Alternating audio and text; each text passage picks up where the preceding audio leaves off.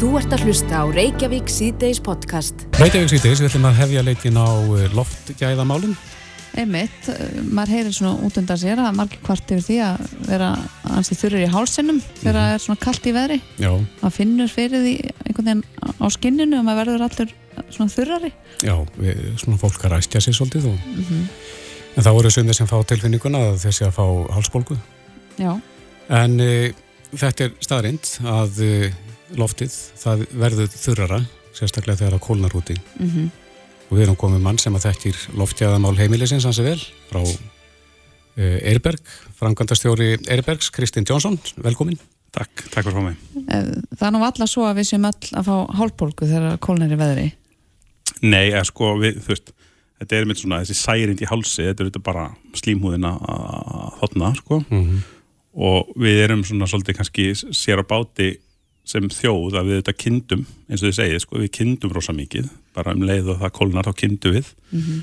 Og, og það, ba, bara það að kynda, að það, sérst, út af því að uh, þau heitara sem loftið er því því meira raunni sógar til sín rakka eða vökvan í andurslóttinu og svo þetta opnum við út og þá, þá eiginlega erum við bara að henda út þessu heita raka lofti. Og eftir, eftir stendur raunni bara þurft, þurft loft sko og, og það er svona einhvern veginn þetta mikroklæmit ef maður getur slett, slett hann sko, að, að við erum að vindar og svo svona kannski óheilbreytt andurslóft inn í okkur og á skustofum og, og viðsvegar Þá, þá með því að kynda allt í botn og loka öllum glukkum. Já, eða þú veist, sko, auðvitað viltu, þú viltu auðvitað of, opna út og, og lofta og hérna um leið og auðvitað ekkert hús er, er, er fullu einangrað, þannig að þú veist, þóttustu með loka glugga þá auðvitað, þá er samt fer allt eitthvað út, sko, en, en um leið og sko þú ert að kynna, þá, þá leita lofti bæði upp og út og hérna þá ert að, að þurka loftið og, og, og við sem svona bara dýrategund, við, við viljum vera í svona tildulega röku loftið að tala um svona 40-50% raka sem, sem hérna, líka hann vill slímhúð og lungu og húðinn og augun þannig að hérna, Það er kjörræki. það er svona kjörraki, millir 40 og 50% er, er talað um og það er bara allir sammála því. En, en, en sérstaklega vetuna eru við alveg, eru oft bara komin í og við sjáum það að, að, hérna, að fólk er oft bara einmitt, það er að mæla raka vel undir 20% sem, sem er unni ekki gott gott fyrir okkur sko. Og hvað þá líka, sko ef maður talar bara um heilsuna en svo er líka bara, ég minna parkettið þitt og húsgögn og tríð, þú veist, það fer þetta bara illa, illa með það sko. Þannig að við sjáum það að það er rosa svona það er líka vitundavakning fólk, fólk hérna, er byrjað að hugsa eins lengra. Þú veist, við viljum auðvitað vera með reynd vatn og við viljum vita hvað við erum að setja ón í okkur. Við lesum innla- innlandslýsingar á, á matnum okkar og segjum ok, hérna, hvað er ég að setja ón í mig að því leiti er alveg raugrætt að hugsa ok, hvernig er loftgæðin, hvað er ég að anda að mér sko? En þá er næsta spurning, hvað er þá til bræðs að taka, við viljum náttúrulega kynna, það er ekki smá kuldi núna. Nei, nei, nei, nei, akkurat. Og þetta er auðvitað þessi svona fína lína þú veist, þú vilt auðvitað kynna og þú vilt, þú vilt auðvitað hafa heima þér. Uh, og við svona reynum í Eirbergi, við svona viljum vera leiðandi þarna í þessum loftgæðum og það er svona margar mm, sko leiðir að þessu. Mm, eitt er auðvitað þetta svona rakatæki og, og það sem hefur verið vinsalt er svona bæði raka og loftinstæki sem er bæði að raka metta náttúrulega og, og, og að reynsa þá lofti líka af ymsum ánæðisvökum þannig að þetta er svona, þú veist, fólk er að hugsa lengra, þú veist, ég meina þú ert ég meina þú ert að anda þér sko þúsundi lítra á dag og þú viltu auðvitað að þetta sé þetta sé gott fyrir þig, skilur þetta hefur áhrif og, og eins og við segjum með, með, með þessi hálsærindi þau kannski byrja sem óþægindi en, en þeir eru með þurra slímhúð að þá auðvitað er það líka sko optimal aðstæður fyrir vírusa og bakterjur til þess að grassera sko. Hvað er algengt að fólk sé, sem er með svona rakatæki sé að dæla miklu magni af vatni yfir sólarhingin? Það nefnilega er, fólk er oft rosa hissa yfir því þegar, það- það hérna, fjárfæst í svona rakatæki að, að, að svona hefðbundi rakatæki er, er kannski með þryggja, fjara, fimm lítrar tank og fyrst um sinn, sérstaklega þegar svona herbergið og rýmið er svolítið svona að að aðlagast eða svona að fá aftur í sig eðla raka að þá er þetta kannski tvisar á dag þar sem þú fyll á Já. kannski ykkur dagar sko. En, en hvað dekkar svona tæki stóran flöt? Sko þarf maður að vera með nokkur rakatæki heima á sér? það er svona, einmitt, það er svolítið svona kannski er þetta að segja en, en, en, en hérna maður er veginn til að tala alltaf um ok, byrjaðu einu rými skilur uh, og við líka oft þegar fólk kemur inn til okkar og spurja svona ok, hvað á ég að gera? Uh, þá er oft bara besta leiðin að byrja á raka á hitamæli. Þú veist, ódýrum 4-5 krónur hitta á rakamæli, bara sjá ok, hver, hver er staðan sko. Mm -hmm. og svo kannski byrja á einu rakatæki uh, setja það inn í svefnherbyggi eða inn í stofu uh, hafa kannski þá rakamælin inn í hinniherbygginu, sjá hvernig það þróast og þá bæta við ef þarf er sko. mm -hmm. og þetta er svo mismunandi því sem loftskiptin, svo er ofta talað um að golfittin sé, sé sérstaklega slæmur, hvað var það þetta þurrk og þá ertu að búið til svona teppi af heitu sko lofti sem fer upp og, engin, og það er alltaf spurningum þessa þessa ringrás, mm -hmm. þú veist, þú með loftskipti og ringrás, þú viltu þetta vera með eðlileg loftskipti og, og svona já, bara flæði inn í rýminu. Það er aldrei mm. gott að, einmitt, lokuðnum glöggum og kinda, það er aldrei gott að loft ekki út, sko. Mm -hmm. en, en ég mannum bara, maður er alveg fyrir það að setja vatn í skál og ná opn, er það alveg sko, búið?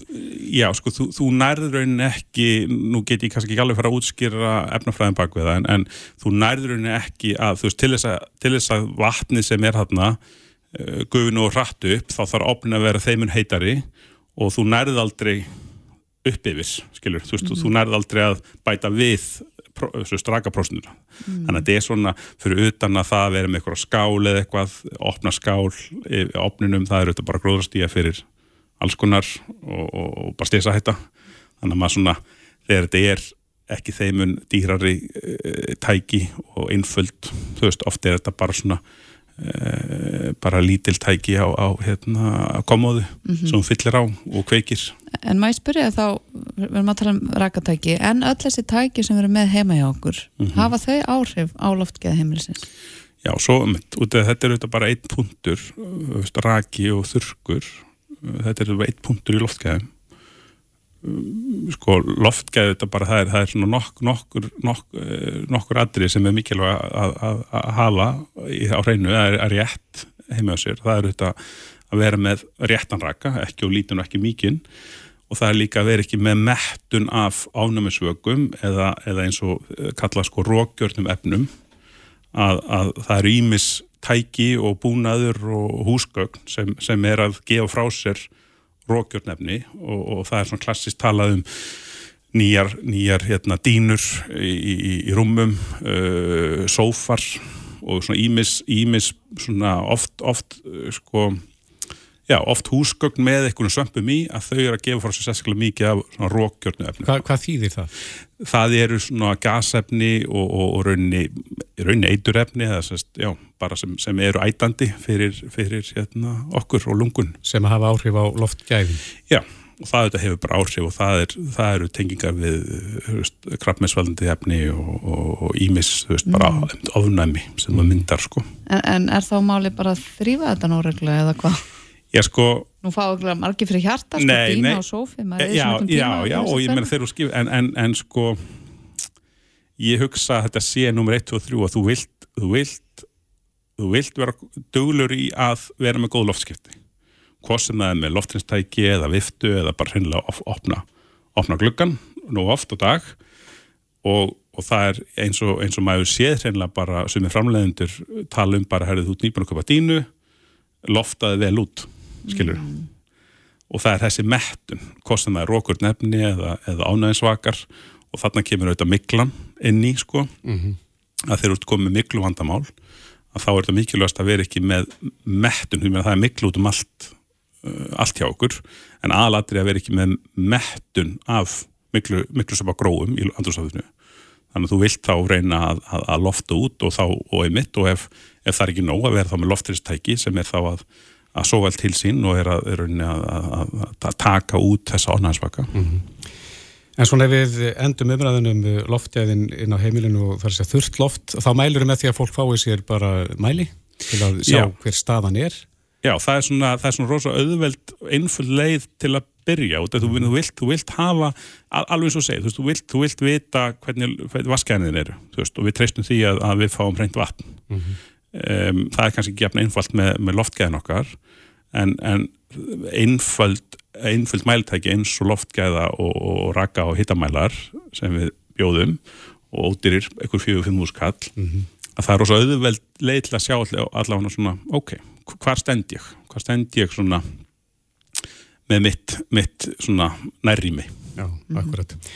Já, fín uh, fyrstu viðbröð Kristín Jónsson, frangotastjóri Eirberg, kæra þakki fyrir komuna Takk fyrir Þú ert að hlusta á Reykjavík C-Days podcast. Já, það var frétt sem að byrstist í fréttablaðinu núna fyrir skömmu það sem sagði að innflutningur og jarðefna elsneiti til landsins á yfirstandandi ári verður sá mesti sem sögur fara af Það er sláandi. Já, þetta einhvern veginn rýmar ekki við svona umræðina um, um orkustíftin Nei, heldur betur ekki. Hann er sesturinn í Hákur, Guðlaugur Þór, Þórðarsson, umhverfis orku og lofslagsráðura. Velkomin. Þakka þér fyrir. Við byrjuðum nú hérna reyndar að áðurum fórum í lotta að tala um bílusan lífstíl sem þú ert búin að prófa.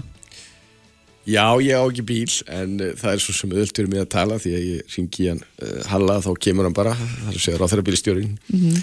en hins vegar náttúrulega reynir það svolítið á það kannski um helgar og svona þegar að maður er ekki með, með, með bílstjóra og þessu fylgja bæði kostur og gallar en mér finnst skrítið að ræðum þessar hluti að þess að prófa á sjálfur Mm Og hvernig, eru kostirnir fleiri en gallanir? Eða öfugt? Ég held að það sé alveg hægt að, að, að bæta þetta en, uh, og við held að við þurfum kannski aðeins að hugsa þegar við hugsa um almennu samgöngur þá þurfum við að hugsa í víðara samingi við þurfum til að uh, þá er sérstaklega vísi hér um, um höfuborgarsvæðið og verður eiginlega hugsta út frá fólkinu sem er að nota þetta. Og uh, það verður held ég að setja svolítið í það að skipilegja hverfin þannig að það sé sko hluti sem hún þarft á að halda séu nálættir eins og kostur er því að ef þú ætlar að gera einhver hluti sem eru að vesla í tannungi sem er ekki mínu tilfelli ef maður væri með börn og annars líkt að þá eru þetta ekki gott að þá er þetta snúið. Og mjög Diljá Mist Einarstóttir uh, allþýkismæður skrifa hann ágæti skreinu það bara upplifun hennar sem búið búið í grá í alla tíð. Þegar hún var alast upp þá var öll þjónust af það sko. Mhm. hún uh, tvekja barna móðir og, og með, með uh, fjölskyldu að uh, þegar að barnið fekk ekki leikskóla og hún þurfti að fara vestur í bæja þá það er ekkit valkostur að vera inn í almenni samgöngu þá Nei. en þannig að þegar við erum að hugsa um þessi mál að þá held ég að eins og alltaf þá var að hugsa bara hver ánóta þetta og hugsa þetta út frá hagsmunum viðkomandi einstaklings. Ég er náttúrulega auðveldadæmi að því ég er bara einn og sexan henda mér mjög vel að fara nýri vinnu sko, það er bara, er ekkert mál ef það er bara snýst um það. og þannig að þú tekur strætó í vinnuna stöku sinnum Ég hef, já, ég hef alveg gert það. Já, já. En aðeins að, að því ég sagði frá þessari frétt uh, í fréttablaðinu, það sem er verið að tala um það að við sem að fara að slá met á innflutningi á olju, það er einhvern veginn rýmar ekki alveg við uh, þessu umræði sem hefur verið um uh, orku skiptin. Mm. af hverju gengur okkur svona illa? Þetta er kannski ekki með þær bestu upplýsingar sem ég hef, þá er þetta ekki alveg, ekki alveg rétt en það er breytir við nengu, þetta snýst um það að við þurfum að, að þetta er stórt verkefni, það er svolítið aftur hlaðið en, og sumt menn ruggla svolítið saman að þetta er um, þrjú, kerfi, eitt er það er tvö af þessum kerfum eru í samstarfi við aðra, annars er það uh, sem sagt flugið, það er sem millandaflugið og stóriðan, hún í ETS og svo heitir nokkuð sem heitir Lúlisef sem er skórætt og landgræsla, þarna eru við með uh, Evrópussambandinu og Noregi. En síðan er það sem beina ábyrði Íslands sem að uh, við þurfum að ná 1,3 miljón tonna niður fyrir 2030 sem er mjög stuttu tími að það er náttúrulega langstæstu hluti í jarðefna elsnetið okkar í samgöngum innanans og uh, þú ræður kannski ekki alltaf við einhverjar sveiflur eins og kom upp sem ég gerir á fyrir að hafi verið bara út af kuldakastinu hérna. En, en uh, það, við erum þetta nummið tvö í heiminum þegar það kemur að, að vistvænum bílum. En uh, betum á að duga skal og við erum að vinna ötulega því að, að rafbíla væða flottan og svo tala um jákvæðan hlutina því að við heldum að í grænbókinni kemur fram og hún er rétt rúmlega áskömmul að það stóru bílarnir væri kerðir á rafelsniti en nú er bara að koma 30 bílar uh, þarna 20-30 bílar sem er kerðir rafmagn þar sem stórir vörubílar. Og ég var nú í Svíþjóðan dagi með eh, Sigurð Inga og við vorum að funda þar með kollegunum og þar fengum við sem var nú algjör draumur svo ég sínum bara alveg hinskil með það fengum við að keira ekki bara rafbíla þar segja stóra trukka og trailera heldur líka gröfur sem voru allar kerað með rafmagni og vísu sumt líka með rafelsneiti Mm. og þarna var bara okkur tjáða að það væri semst þarna þessi framlegendur í þessu tilfelli Volvo og Scania þeir bara er munu þessi bílar verða langstæstu hluta kerðir með rafmagni. En eru þeir þá ekki miklu, miklu dýrari heldur en þessar hefbundnu vinnuvélar og vörubílar? ennþá.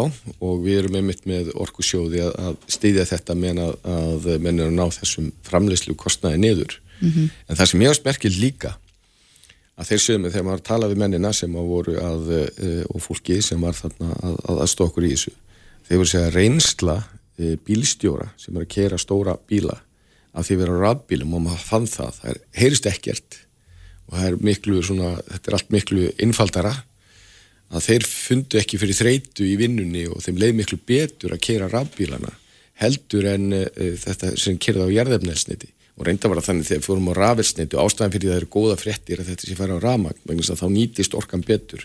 Því að þú nota rafmagn til þess að búa til rafelsniti og þá nýtist það ekki jafnvel eins og bara að nýta rafmagnið. Og það er líka kostur að það er margt sem koma sko, verður svona ekstra plús við þetta. Eins og bara þegar maður býr einhverstað þar sem maður heyri mikið umferða nið hann verður miklu minni þegar allir eru kominir á, á rafbíla. Mm -hmm. og við erum náttúrulega svo uh, lánsum að hafa möguleika á því og eiga náttúrulega lang, lang, lang stærstu hluta og það er alveg sérstuð í heiminum að við erum með enduníanlega orku sem okkar aðal uh, orku gjafa og við erum bara mjög lánsum að þeir sem undan gengu að tóku þessi hugrökku skref að rafaði Ísland, hitaveði Ísland og sérstaklega hittaveitu væðingi var svo merkileg vegna þess að þetta var ekki gert neist að rannast í heiminum eins og hér, það var ekki katalókur eins og þess með þetta var íslenskt hugvit.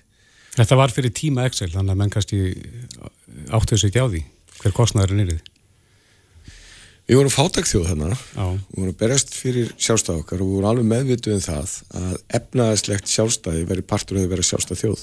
Mm. og einhver kynna segja var þetta ekki sjálfsagt? Og ekki allir samála nei.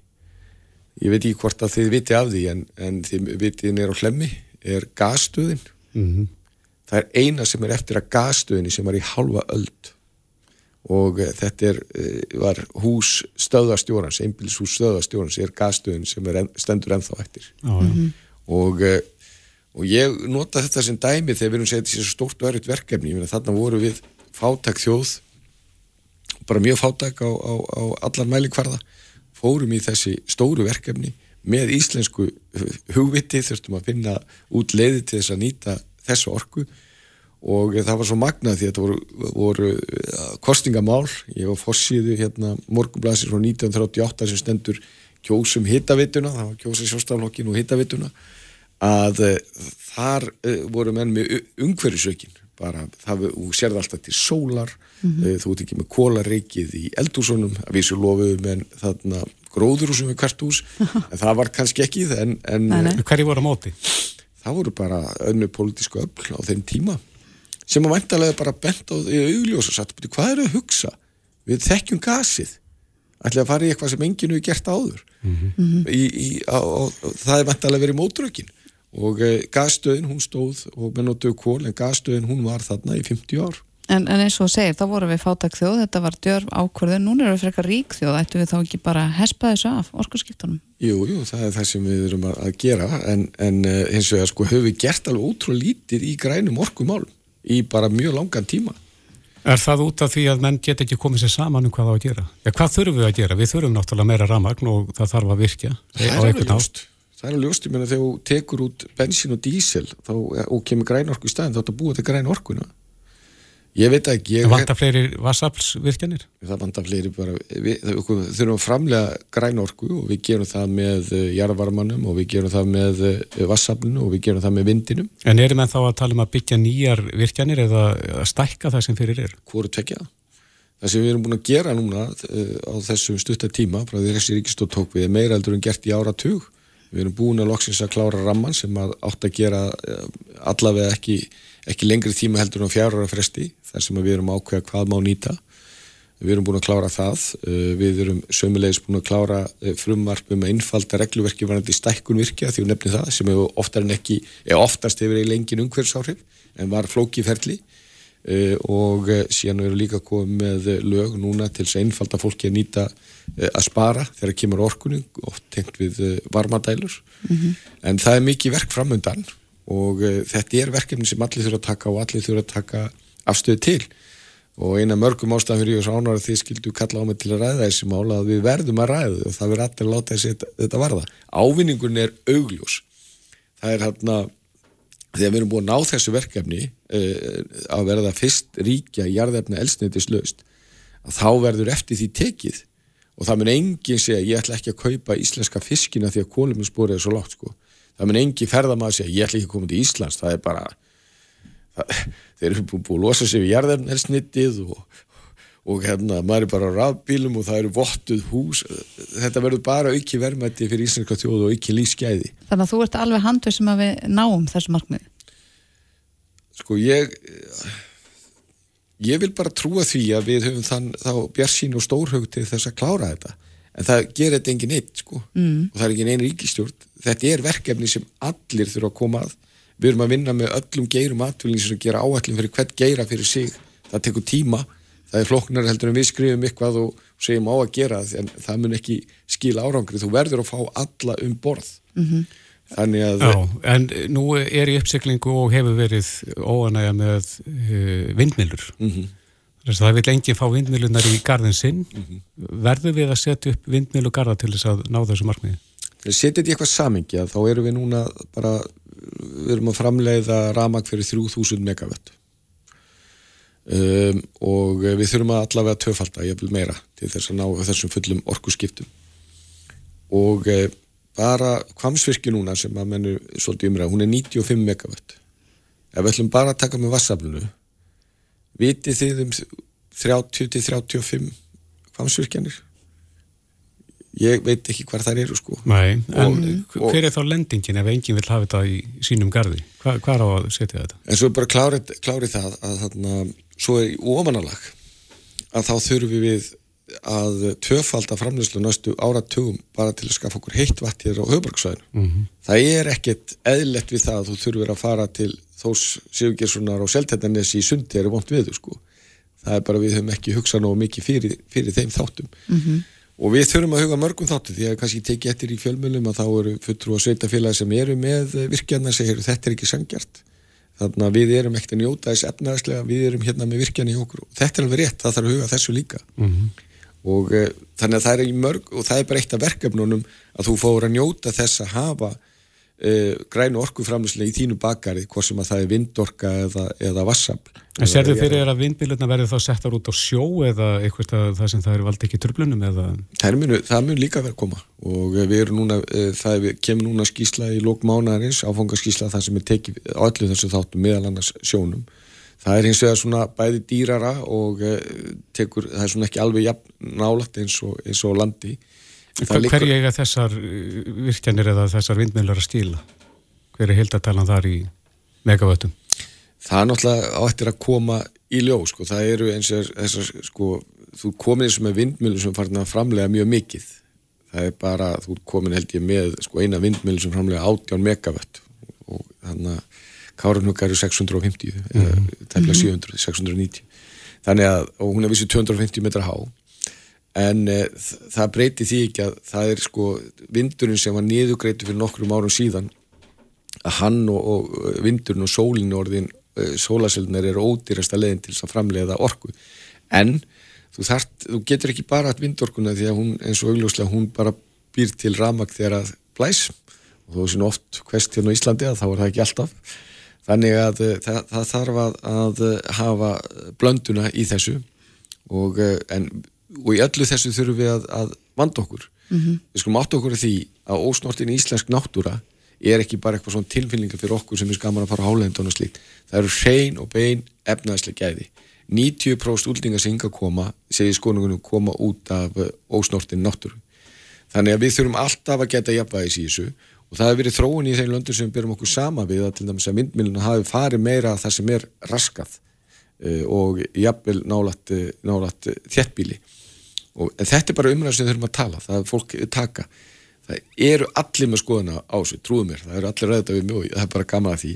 Og þessna eru við, mun ég fara þegar þessi skísla er komin út með vindorkuna í fundaferð um landið mm -hmm. til þess að ræði þessi mál. Og ég var núna bara að koma með samt, frá fundi á samtöku Verslun og þjónustu glæsilegu fundur þar sem er að að fara yfir þessi mál því að þetta er mál okkar allra. En, en vindmjöldarheim eins og Kristófur segir hef, hafa verið mikið umræðinni og skiptaskoðanir eins og þú segir. Uh, svona í heldarmyndinni skipta þær miklu máli? Skipta miklu máli við setjum hérna upp fjölda vindmilu garð til þess að framlega orku?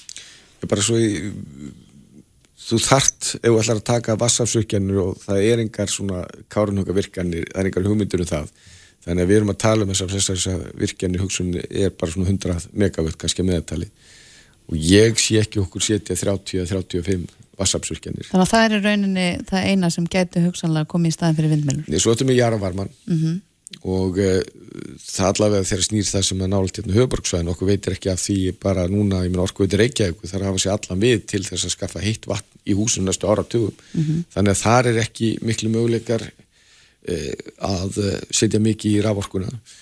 En hins vegar er það, það eru svo sem hægt að hafa jarvarmaurkjani á fleiri stöðum heldur í nálagt höfborgsvæðinu þannig ég held að þetta sé blanda af þessu öllu saman en, og, og ég held að við höfum bara horfast í augu við það að, að, og það er ekkert slæmt, það er bara gott að við þurfum að ræða þessi mál vegna sem við þurfum að vanda okkur.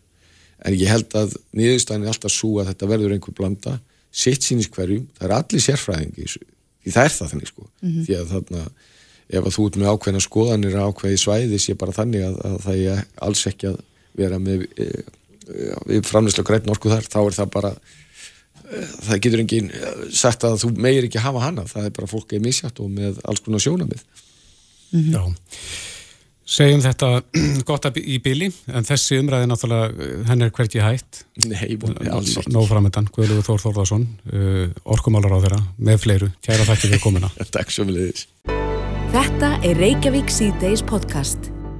Reykjavík C-Days heldur áfram, við ætlum aðeins að snú okkur að heilsunni. Já, við lesum reglulega fréttir í erlendum miðlum um sætuefni mm -hmm. og rannsóknir á þeim efnum sem eru náttúrulega já, allt um kring í ýmsum matvælum og sem við neytum á þess kannski að gera okkur grein fyrir því hvað við erum að borða og drekka. Já, það hefur verið skorið upp hér örd gegn uh, sigri mm -hmm. má segja mm -hmm. þannig að þá snúa menn sér að þessum sætuefnum Já og sætuefni eru náttúrulega efni sem mjög margir sem tilenga sér ákveði mataræði mm -hmm. nota mjög mikið, til dæmis ef við, ef við minnir rétt eh, ketoleiðar þeir nota ímis sætuefni til þess að baka úr til dæmis mhm. En við höfum verið að fá eh, misvísandi upplýsingar um uh, heilnæmi sætuefna Já einhverja rannsóknir sína fram á skaðsimi og aðra fram á uh, hotlustu, má mhm. segja En er sætæfni kannski ekki það sama sætæfni? Já, það er spurning. Eða að spyrja sérfrængin. Heldur betur.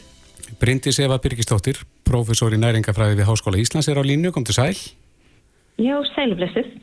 Já, hvað segir þú? Er, er, við erum að fá misvísandi stílabóð varandi sætuöfnin. Er sætuöfni og sætuöfni ekki það sama?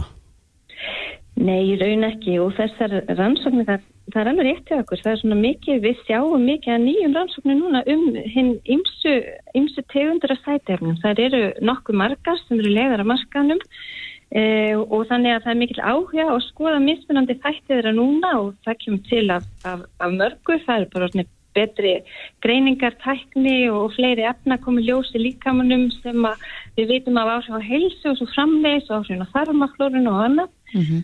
Og það má kannski segja að þessi, þessar tvær beinasti sætum við að þær eru um um tvö mismunandi sætuöfni sko, þannig að það var kannski ekki misvíðsjandi á þannhátt. Um, önnur sneri þarna að hérna, og önnur var í músum og hinn í mönnum, sem er náttúrulega alltaf daldill munur. Já, getur þú farað að sé við munin á þessum tveimur rannsóknum? Önnur sínir fram á heilnæmi, það ekki, já, mögulegt heilnæmi eh, efnisins? Sko, það Það sem að músaransögnin á sukralóstanum síndi var í raun þessi svona áhrif á hérna það sem heitir T-frumur, það sem við kallum eða þess að tengti viðbröðum T-eitilfruma við þá daldi miklu magni og niðurstuður rannsóknar aðilana er í raun að hugsanlega væri hægt að þess að sko ónæmisbælandi áhrif af háum skamti og þeirra niðurst er svona að spurja sig hvort það væri hægt að nota þetta sem í meðferð í við sjálfsónum í sjúkdómum ykkur þessartar en svo sé ég að þegar að þessi grein er svo tólkuð út í hérna fréttina og fyrir þinn almenna neytanda þá er hún einmitt eins og þið segir orðið eins og þetta hafi jákvæð áhrif fyrir alla sem að í raun er ekki það sem hún hvorkir að sína mm. ég er nýðustæði greinar hennar en ég vennu að, að hérna þykja ekki með því en, en samt að sem áður á, mjög áhugavert alltaf. Veist, hva, hva, hvort það er ekkert að nota vítaminin, önnur efni á einhvern annan hátt en, en við erum mjön og þá er samt ekki alveg ljóst hvort að hérna, ef að þetta á við hérna í sjálfsannum sjúkdóma, hvort þetta væri það hefði þá jákvæð áhrif á alla. Mm -hmm, Þannig að þetta er bara svona fyrsta skrifir að að skoða þetta efni frá einhverju öðru sjónarhóttni og þarna í músum e, reyndar er þeir búin að reikna sig upp þannig að þetta væri svona samsæðið magni sem að e, væri hér, í manni hérna, við værum að neita ef við værum að, svona, við efrimörkin á, á þessu efni mm -hmm. en, um, en uh, það, er, það er aldrei það sama, mús og maður þó er mjög áhugaverst að skoða ymsa ferla og mekanisma í mm -hmm. svona rannsóknum þannig að mjög áhugaverð rannsókn mjög sko. Já, sem snýra súkralósa en, en hinn greinin sem við rákum augun í, hún tengist er í tríól sem að er nú frekar vinsælt sætafni Já, það er vinsalsætefni og það er sigur alkohól. Það sem má kannski segja að þessa rannsókn að því leiti að þarna, það verður að skoða frá svo mörgum áttum núna og þannig verður að skoða þetta efni og mæla í raun í fólki sem er í áhættu og það verður að mæla sérst áhættu fyrir hjertasjúkdóma og það sem þeir sjá í raun og er að þeir sem mælast háir eru í mestri hættu en þá er samt spurningin hvaðan kemur þetta. Við framleiðum svolítið af þessu í litlu magni með það sem við neytum, vissulega frá svo er þetta efni vel en fyrir bara satt út í, í líka þvægið okkar sko mm -hmm. og það er svona ekki alveg ljóst er þetta áhrif af því að þeir sem eru veikar fyrir hafa einhvers konar skiljið þetta efni hægar út eða er þetta við framleiðum, þetta, þetta er í öðru mat, þetta er líka í litlu magni í bara hérna til dæmis í ávökstum og myndast við gerjun og annað eða er þetta eitthvað sem líka minn er að framleiða við þessar aðstæður? Er þetta merki um hérna einhvers konar eh, sagt, eh, neikvæð áhrif á á hérna hjertasjúkdóma eða, eða er þetta ásök og það getur þessi greinir en ekki svara. Þetta er þannig mjög góð grein og er ennmitt að skoða, fer svo yfir í að skoða þetta í músum líka og sér svona, þar sér hún svona meiri áhrif á svona trombósuna eða á blóttappan En á sama háttu á þess er erfitt að segja til út frá einni grein uh, eins og þessi er og á þá sérst mörgum hóp sem er þá ekki hérna um, þetta er, þetta er svona stórar stórir hópar, það er mm -hmm. alveg rétt En Bryndis, þetta er bara mjög spennandi Já, e- eru sem sagt neikvæð áhrifin sem að þetta efni er talið geta valdið þyknun mm. á blóði? Já, nákvæmlega. Þetta er svona eins og blóð, sem sagt, í sjúklingahópu sem er í hætta að fá blóðtappa mm -hmm. og það er þá sérst fleiri blóðtappar í þeim hópu þar sem þetta efni er hátt en hvort þetta efni kemur úr matnum, hvort þetta efni er eitthvað sem framleitt sem líka með nota sem merki um eitthvað því við vitum að þeir sem eru í sagt um, einhverju sjúklingahópar eru öðru vísi náttúrulega samsetningin í blóði eftir, allt eftir því hver hver sjúkdómarinn er. Þannig að það er svona eftir að skoða en hefur vakið miklu afbygglega þessi rannsók líka og, og það má kannski segja þess að þessi áhjá sætefnum er að koma ljós og alltaf er það náttúrulega það þess að, að ofnotkunnin er alltaf það sem hefur neikvæði ásefin og hérna það er nú kannski það sem að svona, því en almenni neitandi getur dreyið sem hérna lærdom af einhverjum mm. svona hérna og e- eiga eftir að bætast við þetta. Það er að breytast mikið hvað við getum mælt og er kannski það sem er að breyta líka þessi rannsóknarfelti mjög mikið. Það er nú einmitt sko kannski einhverju sem getur spurt sér núna höfum við farið á geist í þessum sætöfnum á þess að vita nákvæmlega hvaða áhrif þau hafa?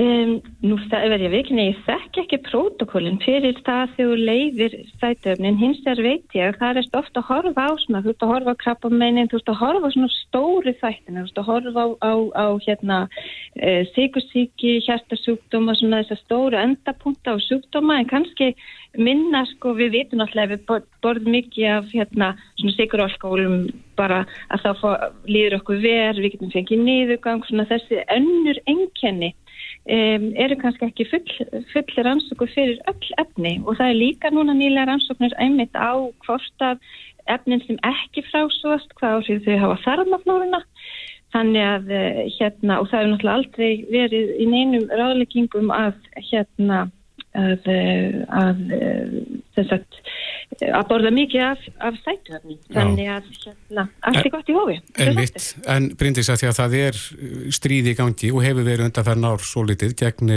sigri er alveg ótverætt betra fyrir líkamann að innbyrða sætuöfni frekar en sigur?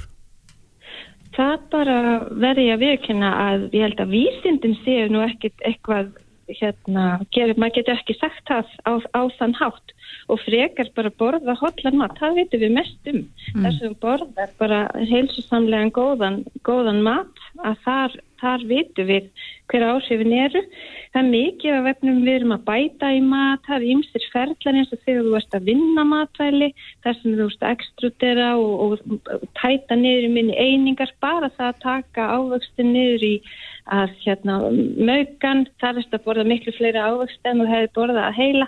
Þannig að allir þessi þættir hafa áhrif og hvað áhrif er, hvað kemur bara ljósa næstu árum sko. Já, þannig að þetta er svona uh, sama gamla sagan að reyna að hafa mataræðið eins reynd og mögulegt er. Já, bara, já og kannski bara fjölbreytni og að hafa í hófi svona það sem við vitum minna um, kannski. Mm -hmm, Ég myndi að Já, áhugavert. Við hlökkum til að fylgjast með frekar rannsóknum og sætöfnum uh, en við setjum punkti hér í dag Bryndi Sefa Birgistóttir, professor í næringarfræði við Háskóla Íslands. Takk hella við spjallið. Ekki mál, takk fyrir sem leið. Þetta er Reykjavík C-Days podcast. Aðeins að fréttum af uh, jarðarkaupum eða sölum, eftir mm -hmm. hvernig á það er litið. Já. Það var frétt í vikunni af þessum kanadísku hjónum sem að keftu land í borgarfyrðinu. Já, emitt. Skoradal. Þetta, það hefur verið deilt um þetta, það eru skipta skoðanur um, um hvort að við ættum að leifa þetta eða mhm. að minnstakosti hvort við ættum ekki að hafa skýra regluverk í kringum svona jarðarkaup. Já, eh, Ragnar ringdi í símæntími í gær og eh, nefndi einmitt þetta mál sem að vakti mikla aðtekla á sínu tíma fyrir nokkrum árum síðan þegar að Huang Nubo, mm -hmm. eh, kynverinn, vildi kaupa grímstáða fjöllum. Einmitt, það gekk ekki, ekki eftir. En, Nei, og hann spurði mitt hverju munurinn á kaupum uh, hans eða þá hérna vildi hann kaupa og síðan kaupum þessa kanadíska þessar kanadísku hjóna. Nei, það er bara góð og gild spurning. Á línunni er maður sem þekkir uh, mál Juan Núbó mætavel, það er umundur Jónasson fyrirvendi innanrikkisur á þeirra góðan og blessaðan daginn umundur Góðan þessu Er þetta ekki góð og gild spurning? Það er ekki sama hver er þegar kemur að þessum kaupum Já, það ætti að vera sama hver er. Eh, altså, ég hef alltaf verið andiður því að heimila sölu á landi út fyrir landsteinana og það var jú einn ástæðan fyrir því að, einn kannski megin ástæðan fyrir því að þessum, þessum kaup tilbóði núbós var hafnað á sínum tíma. En síðan hefur náttúrulega lögum verið breytt. En eitt stendur óhaggat og það er stjórnarskrá Íslands. Því að í 72. grein stjórnarskrá Íslands þá segir að eh, stjórnvöld e, þeim sé heimilt að takmarka e, rétt erlendraðilega til að eiga e, fastegnaréttindi eða hluti í atvinnurefstri hér á landi. Og þetta stendur alveg óhaggat hins vegar hafa menn verið að breyta lögunum eitthvað og reyna að, að sögna, að, að þrengja heimildir auðmanna til að satna landi á sínar hendur. En til að það hafi mistekist, ekki verið gengið nóg og langt, alls ekki búið nægilega, tryggilega um, um, um nútana og það sem ég hefði viljað og reyndi að gera á sínum tíma 2013 það var að láta eitt gilda um alla erlenda menn, hvort sem þeir e, væri búsettir eða eittu lögheimil innan Evróska efnahagsvæðisins eða utan þess. Það ætti bara ekki að selja land út fyrir landsteinuna. Mm. Þetta var eitt, svo var hitt að ég vildi líka takmarka, e, sagt, takmarka heimildur auðmanna til að safna landi á sína hendur. Já, En, en í máli Húan Núbó augmundur á sínu tíma, hvað, hvað var það sem að, sem að þú varst ósáttur við? Af hverju vildur ekki að þau kaup gengu í gegn? Var, var það bara því að hann var ekki íslenskur? Nei, nei, það var, jú, jú, það var í og með var það þetta að ég vil ekki að eignarhandalandi fara út fyrir landsteinuna og sem ég gleyma því að við vorum að tala þar um búan hlut af Íslandi mm -hmm. og byggðum Íslands þarna upp í eh, upp að herðu breyðalindum og, og, og, og svo framvegis þessar náttúruperlur mm -hmm. þar. En það var ekki bara það heldur, heldur hitt að ég eh, hérna til óæðilegt að einstakir auðmenn geti sapnað stórum hluta Íslands á sína hendi. og svo það sem er að gera náttúrulega núna er bara einn staðfesting á því að náttúru perlurnar eru smá saman að fara frá okkur og það er að fara út úr landinu og þetta síðast að dæmi frá uh, úr borgarfyrðinum, hortn í borgarfyrði, jörðin hortn í borgarfyrði með, með uh, það sem stessu hortn rísu upp. Eh, Það er bara síðast að dæmi um þetta og þá spyr ég hvað halda menna það það ekki langan tíma þar til búið verður að selja landi undan okkur. Alveg. En, en hvernig ætti regluverkið að vera? Ættu við bara að taka fyrir svona kaup komplett? Sko, það sem að ég gerði á sínum tíma 2013 var að ég setti þá e, se, þá, þá, þá spurði ég einna grundallar spurningar. Hvað er það sem við viljum? Viljum við reyna að halda eignarhaldi á landi innan landsteinana? Ef við viljum það, þá skulum við kanna hvort e, þær skuldbindingar sem við höfum gefið dagvart öðrum eh, hvort, hvað þær leifa og ég fekk tvo mætamenn, professora annars vegar Stefán Má Stefánsson, professor við Háskóla Íslands og hins vegar Jens Hartig Danielsen lagaprofessor við Háskólan í Árósson til að kanna hver, hver langt við getum gengið í þessum örnum hver, hver, hver mjög við getum takmarkað eh, rétt manna til að, eh, til að kaupa, kaupa land á Íslandi. Og þeir sögðu og voru samhljóðan það að, að, að menn hefðu ofurtúlkað eða samningin að þessu leiti og ég samræði við, við það og þeirra neðustöður að þá setti ég eða leti búa til lagafrömmvart og setti lagreglugjald sem fór síðan í dreifingu og umfjöldun í þegar mánuði. Reglugjaldin var síðan samþygt lagafrömmvarti lág fyrir þinginu þar sem að þessi réttur hefði verið hérna eh, takmarkaður. Og, eh, og í þessum frumvarsteksta eh, þá, eh, þá eh, segir eh, við og við eh, það segir á grunni þessar rannsóknar þetta er svolítið aðtillisvett þess að við ætlum að lesa þetta upp á grunni þessar rannsóknarvinnu lagði ég fram frumvart sem tók af öll tvímælu um að skilirði fyrir landakaupum á Íslandi væru þau að viðkomandi væri íslensku ríkisborgari eða með lögheimil á Íslandi en réttur slíksmann skildi einskorðast við eignarétti, afnótarétti við fastegn hér á landi til að halda þar heimili og frístundahúsi til að dveljast þar enda fylgir slíkum fastegnum einkis venjuleg lóðaréttindi en ekki önnur réttindi svo sem veiðir réttur eða varsréttindi. Þetta var það sem var á borðinu 2013 og ég hefði viljað að við höfum haldið áfram á þessari leið, bara, bara banna þennan, þessi landakaup erlendur manna á Íslandi. Og þarfir e, þá vildi ég eh, takmarka rétt e, íslenskra auðmanna. En vel að merkja þessi hlið málsins var bara á mínu borði. Þar að segja réttur erlendra manna til að kaupa land á Íslandi ekki, ekki innlenda liðin Nei, ég vildi að sjálfsögðu vel að taka á henni líka. En það er ekki aftur snúið úr þessu, er það? Jú, það er aftur snúið. Það er að bara taka þetta upp svona og í ljósi þeirra prófuna sem við erum að verða vitni að þá eigum við að, að stöðva þetta og láta ekki selja landið undan okkur og, og, og vel að merkja, við skulum horfum til þess hvað, hvað það er sem menn er að sækjast eftir. Sumir er að sækjast eftir friði og ró og slíkir menn vilja bara loka landinu, loka að sér og við erum að sjá dæmi þess að þetta gerist. Nú aðrir eru að sækjast eftir auðlindum, menn eru fannir að flytja út heil fjöll og, og náttúrulega sand með skipum til útlanda og ég er að vísa til Hjölleishöfða og, og Mýrdalsands, eh, Sandfells í, í þengslónum og, og svo framvegis. Nú aðrir eru að sækjast eftir veiðiréttindum og þar er það Radcliffe sem samkvæmt kveiki held ég eh, hafi sagt að væri komið 1,4% eignarhald á Íslandi.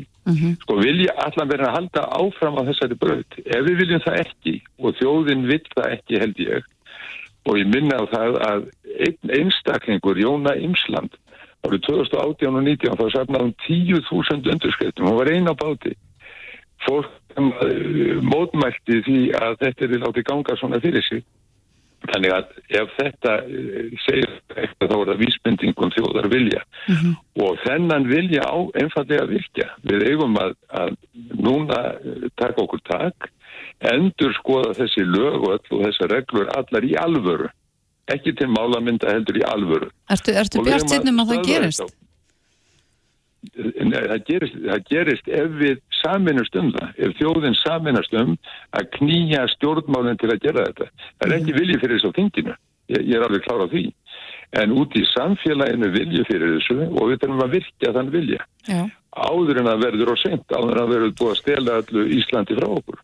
Ögmundur, þú er nú sjálfur kallaði að gera sinna eða aktivista, er ekki bara rétt að þú standið Já. fremst í fylkingu í, í þessari byltingu? Já, já, já, nú ætla ég bara að henda boltanu tilbaka að það sem er að gera svona mér er sagt að ég sá það einhverstaðar að þessi jarðasala núna í borgarbyrðinum horn í borgarbyrði hún hefur fælið fram fyrir árið síðan hvað gerir síðan?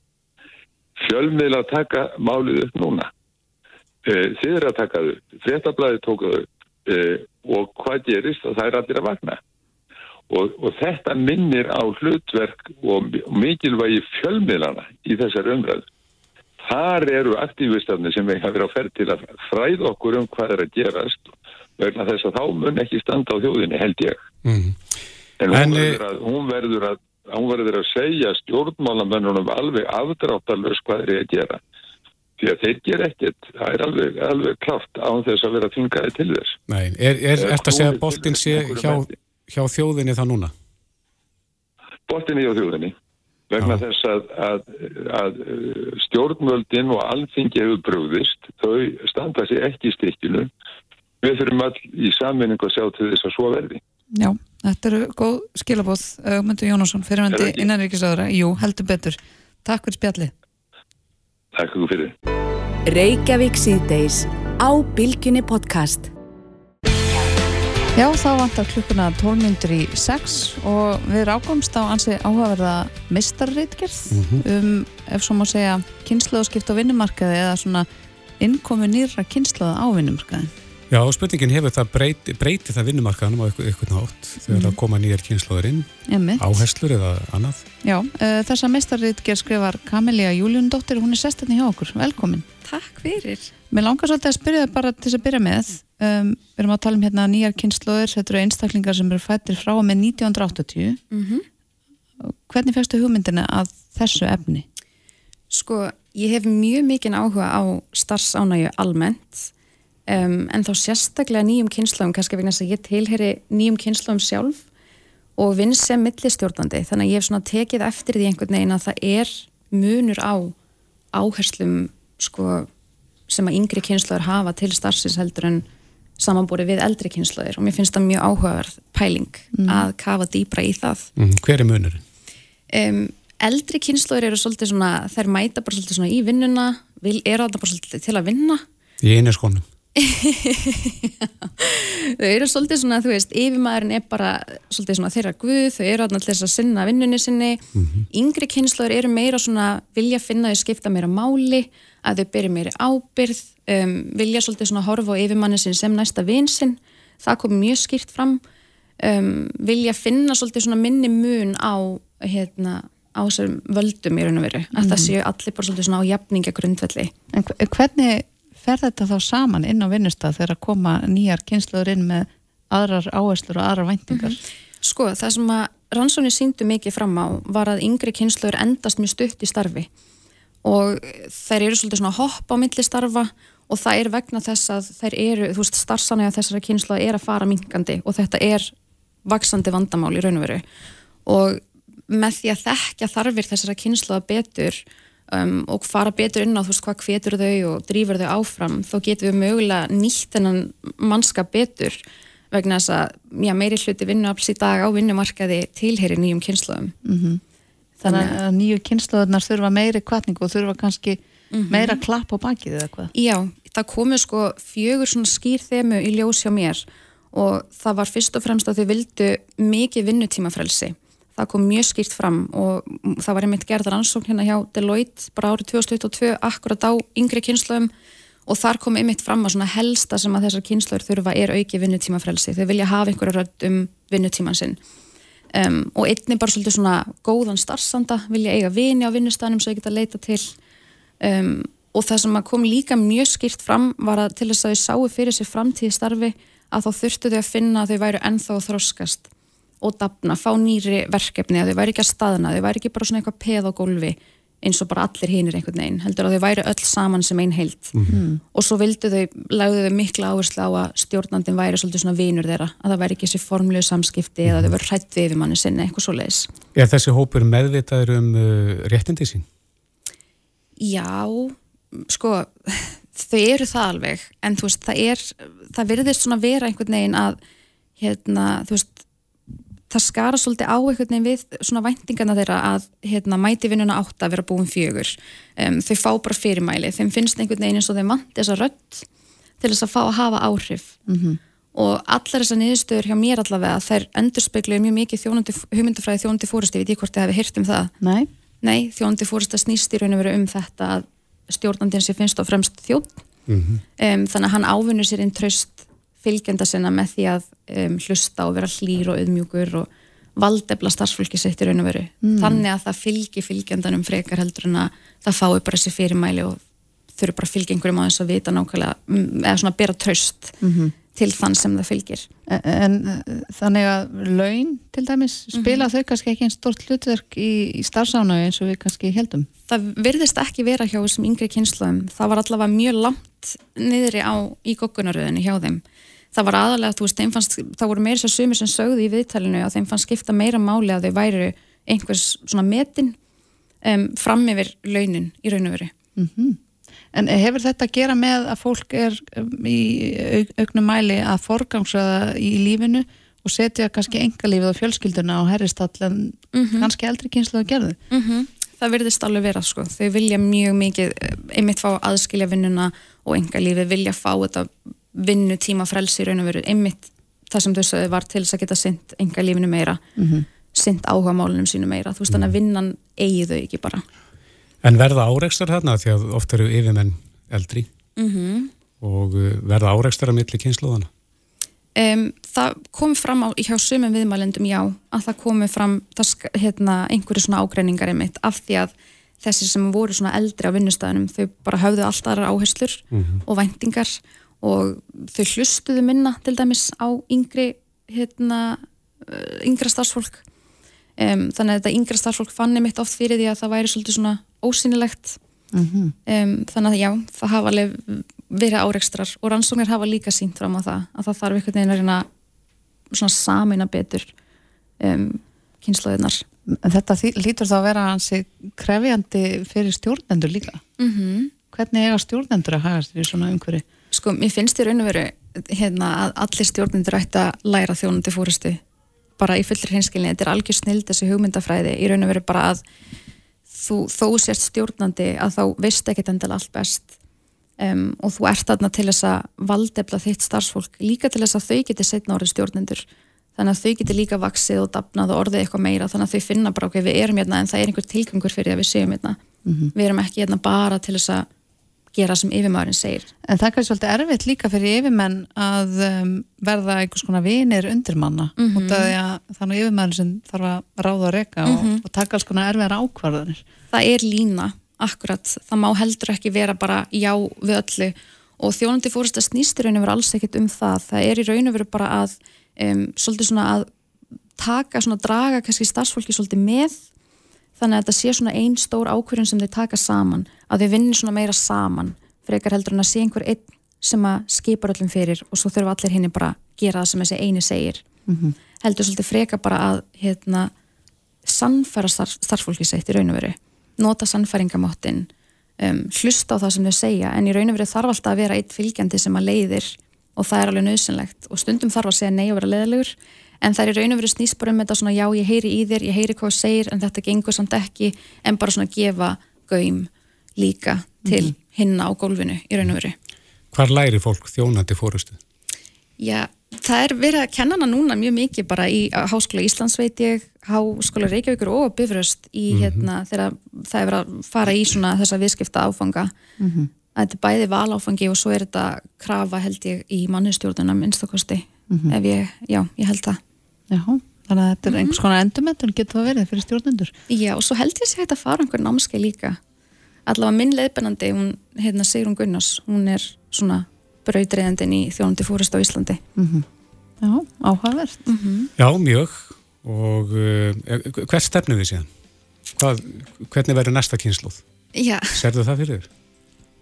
þetta verður kannski svona meiri jafningjar bara bara svona, þú veist, brúa svolítið bilið þarna á milli stjórnandans og bara eða, hérna, starfsmannsins á gólfi. Mm. Veist, þetta er svolítið bara svona allir eiga að skipta máli líka skúringakonan, líka þú veist, sá sem sér um að elda í eldhúsinu. Þú veist, að það eiga allir einhvern veginn að hafa jafnarödd út, Um, með, út með stjættaskiptingu á, á og vinnustanum í raun og veru, já.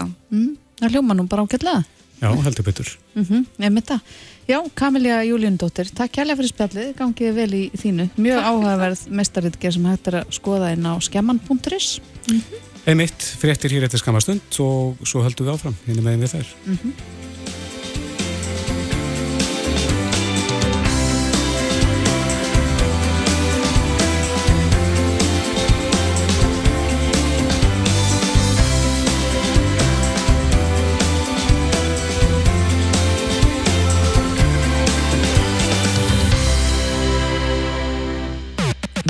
með í umræðinni. Reykjavík síðdeis á bylginni. Skoðaðu úrval rafbíla í vefsýningasalum. Brimborg. Reykjavík síðdeis á bylginni podcast.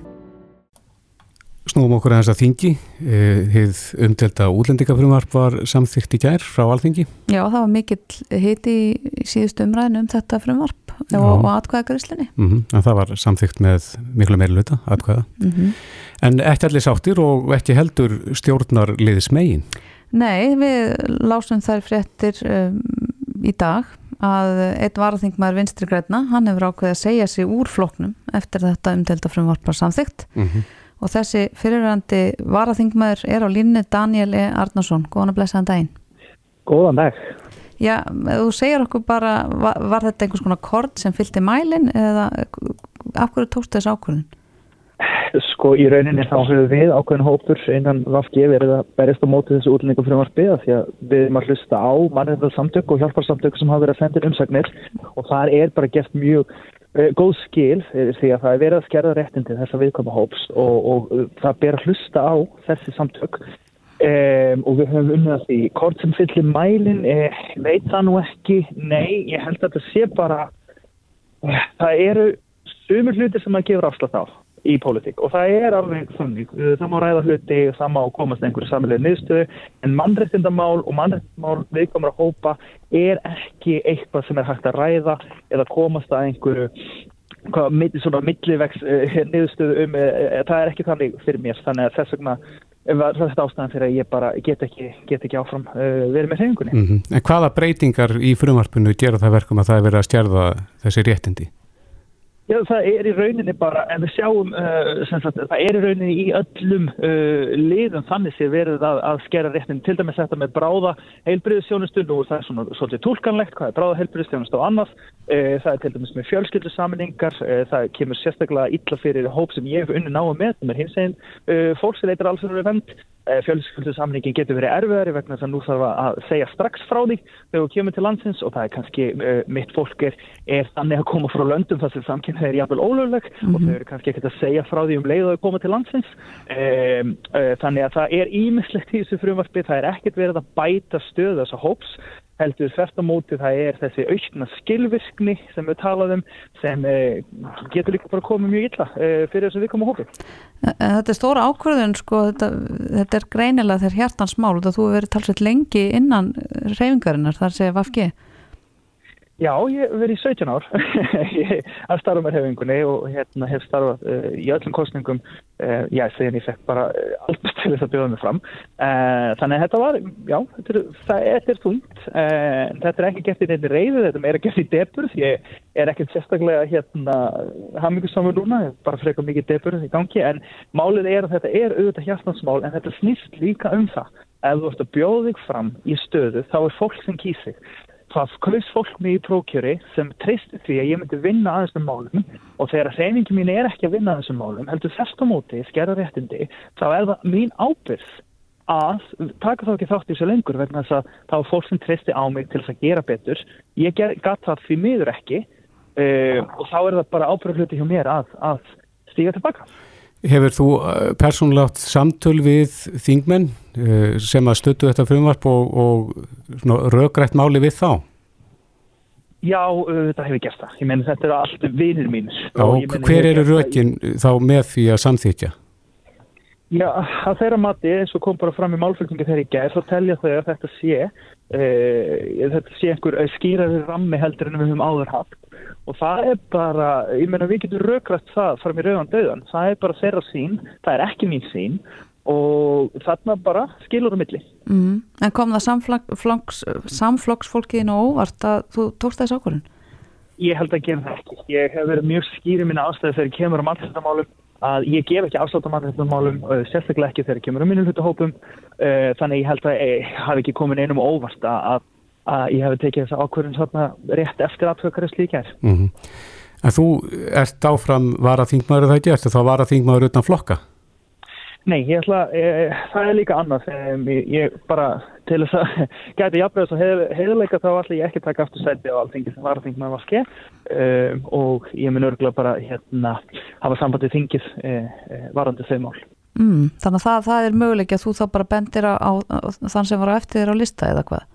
Já, mér finnst það heiðilegt. Mér finnst það ekki endilega heiðilegt að ég, hérna, ég stend fyrir á, ákveðna hluti og ég hef ekki náð þeim í gegn í, í Vafge og þá bara einfallega skilja leiðir. Mér finnst það að vera ég get gert að mm. hleypa þú bara næsta manni að, eða næsta mannesku.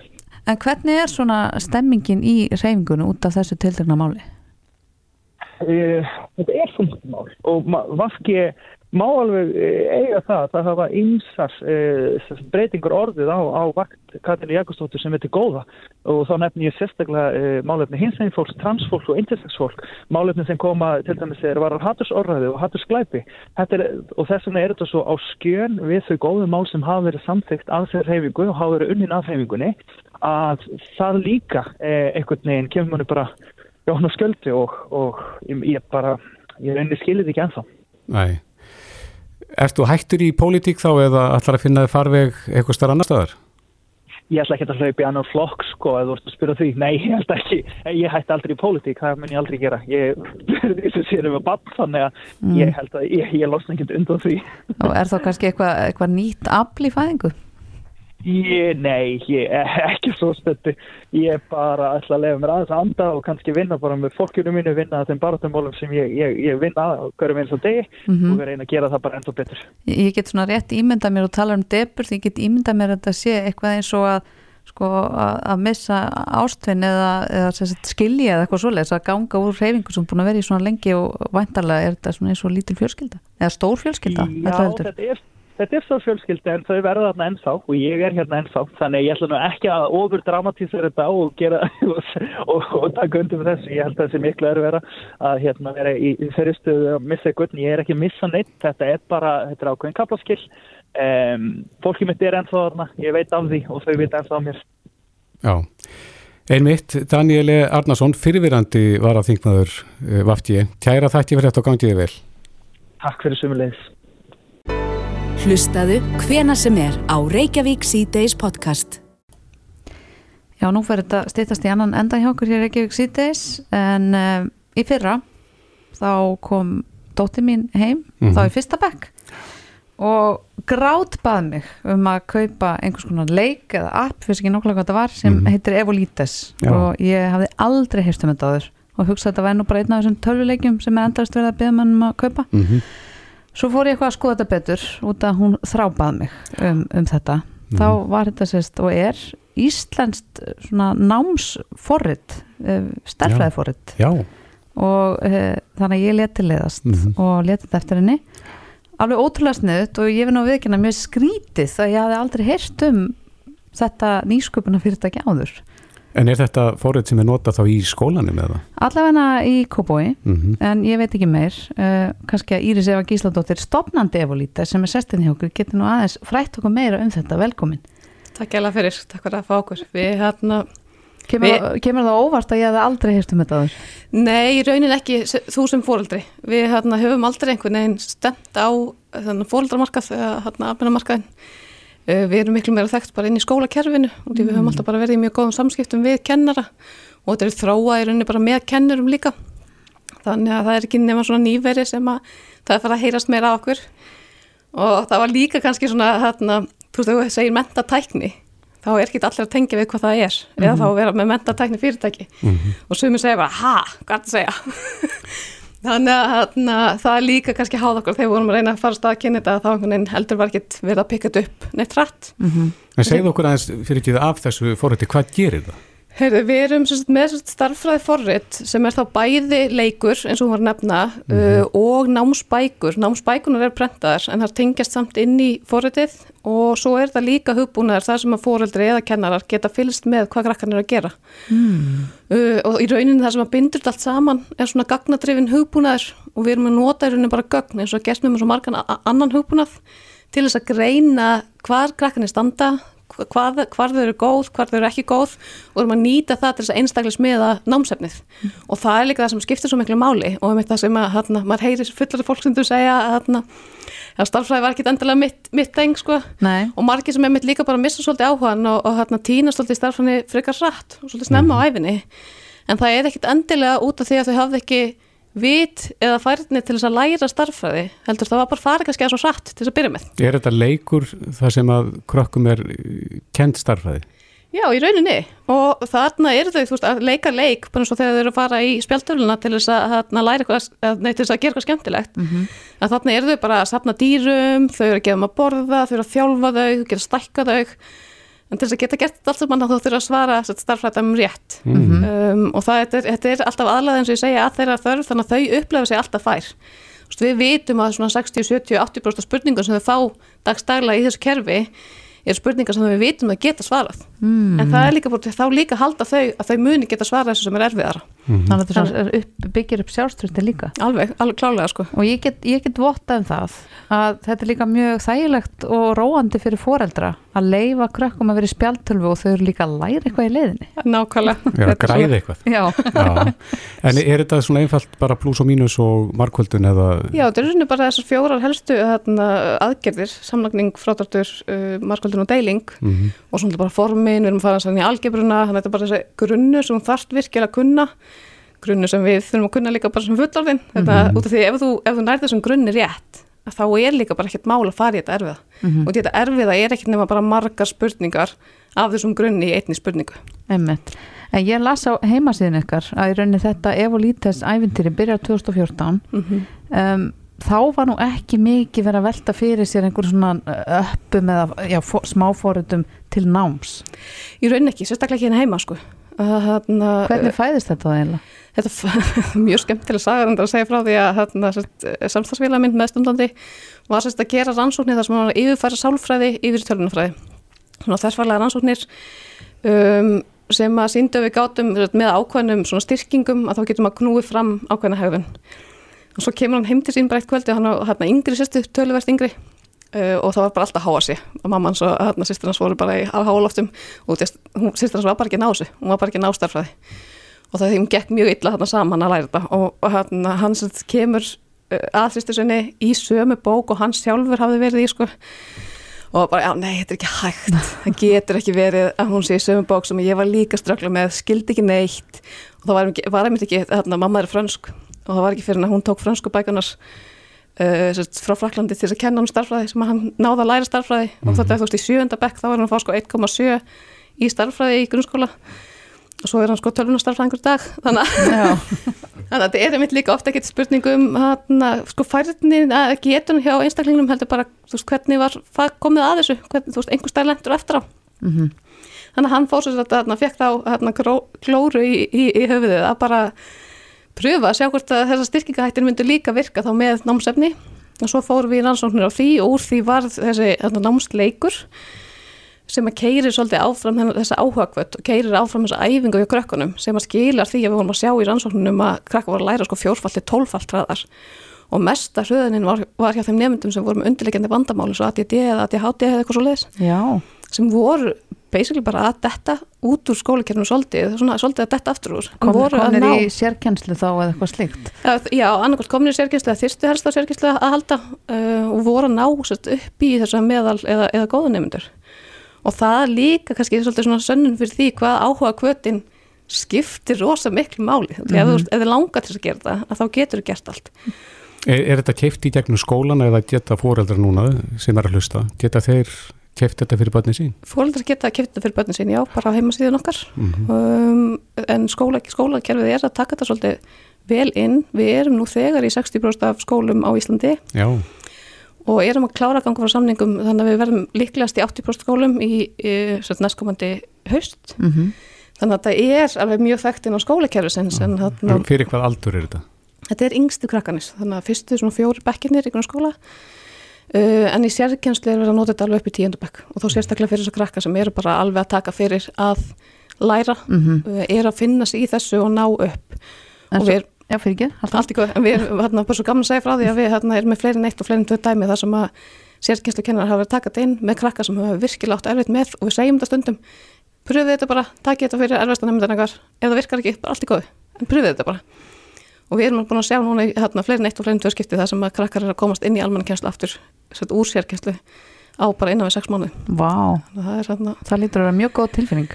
Það er, gerir þetta allt þess virði það er ekkit auðvelt að fara að stað með svona hérna, nýskopnum fyrirtæki þá sérstaklega í yðnaði sem kannski ekkit endilega á pallborðinu hjá öllum sko. En hérna gerir þetta allt klárlega þess virði. En ég sá líka uh, svona rétt í lokin á vefsíðinni að vefsíðan er á nokkrum tungumálum. Já, algjörlega, herri, við erum, með sér, hérna, erum ofisílega að fara að bæta við einu tungumáli viðbót. Við erum nú þegar á sjö tungumálum og erum að bæta spænsku við líka. Þannig að þetta er hérna, smám saman stækka. Við erum uh, í nótkun á Norrlöndunum og erum að hérna, hefja í nótkun líka í, í bandarækjunum líka. Í, í grunnskólinn sem sagt? Já. Jaha. Og þetta heitir Evolites, er þetta rétt borðið fram? Sko, hérna, það ber svolítið á milli. Þannig að Evolites eða Evolites hérna, hvort sem er. Þetta er í raunum bara stafargl Já, og við vildum alls ekki hérna, tengja þetta við eitthvað ákveða tungumál út af því við vissum að hérna, markarinn hérna heima er aldrei ná stór til þess að keira svona stóra vöru. Þannig að við vissum við ætlaðum á alþjóðagrundvell og við vildum vera með svolítið svona svo, þú veist, eins og Pokémon. Það þýðir ekki neitt en það er samt svolítið eitthvað sem maður tengir við. Þannig að væri svona hér um að segja þetta hérna, á öllum tungumálum á þess að breyta í mikið. Mm. og þeir eru inn á, er þetta ekki Google App Store og, Jú, jú, og hérna, Play Store. Og, Play Store? Það er þetta að keira þetta í öllum hérna, tækjum sem að geta kist upp. Mm Já. Þetta er mjög spennandi. Já. Ég hann að bara þakka ykkur kærlega fyrir að, að viðhalda starfræða áhuga á mínu heimili. Þó að hafi svo sem ekki verið vandamál en núna er áhugin bara enda meiri. Uh, Íris Eva Gísladóttir, stofnandi Evolítas, takk kærlega fyrir spjalli, gangi gróslega vel. Takk fyrir. Já, ég verð að segja það, ég hefði verið til í að hafa svona fínt forrið þegar ég var að læra starffræði í grunnskóla. Já, ég segi það með þér Þetta var frekar erfið barata stundum Já. En það er komið að leiða lokum hjá okkur í dag. Við ætlum að fara að gefa boltan yfir á hréttastofuna. Við minnum að það viðtölinu eru all komin inn á vísi.is og hægt að hlusta gegnum bylgju appið. Einmitt, Bræði Kristófur Lilja þakka fyrir sig í dag, við verðum með klukkan fjóra morgun Verið þið sæl.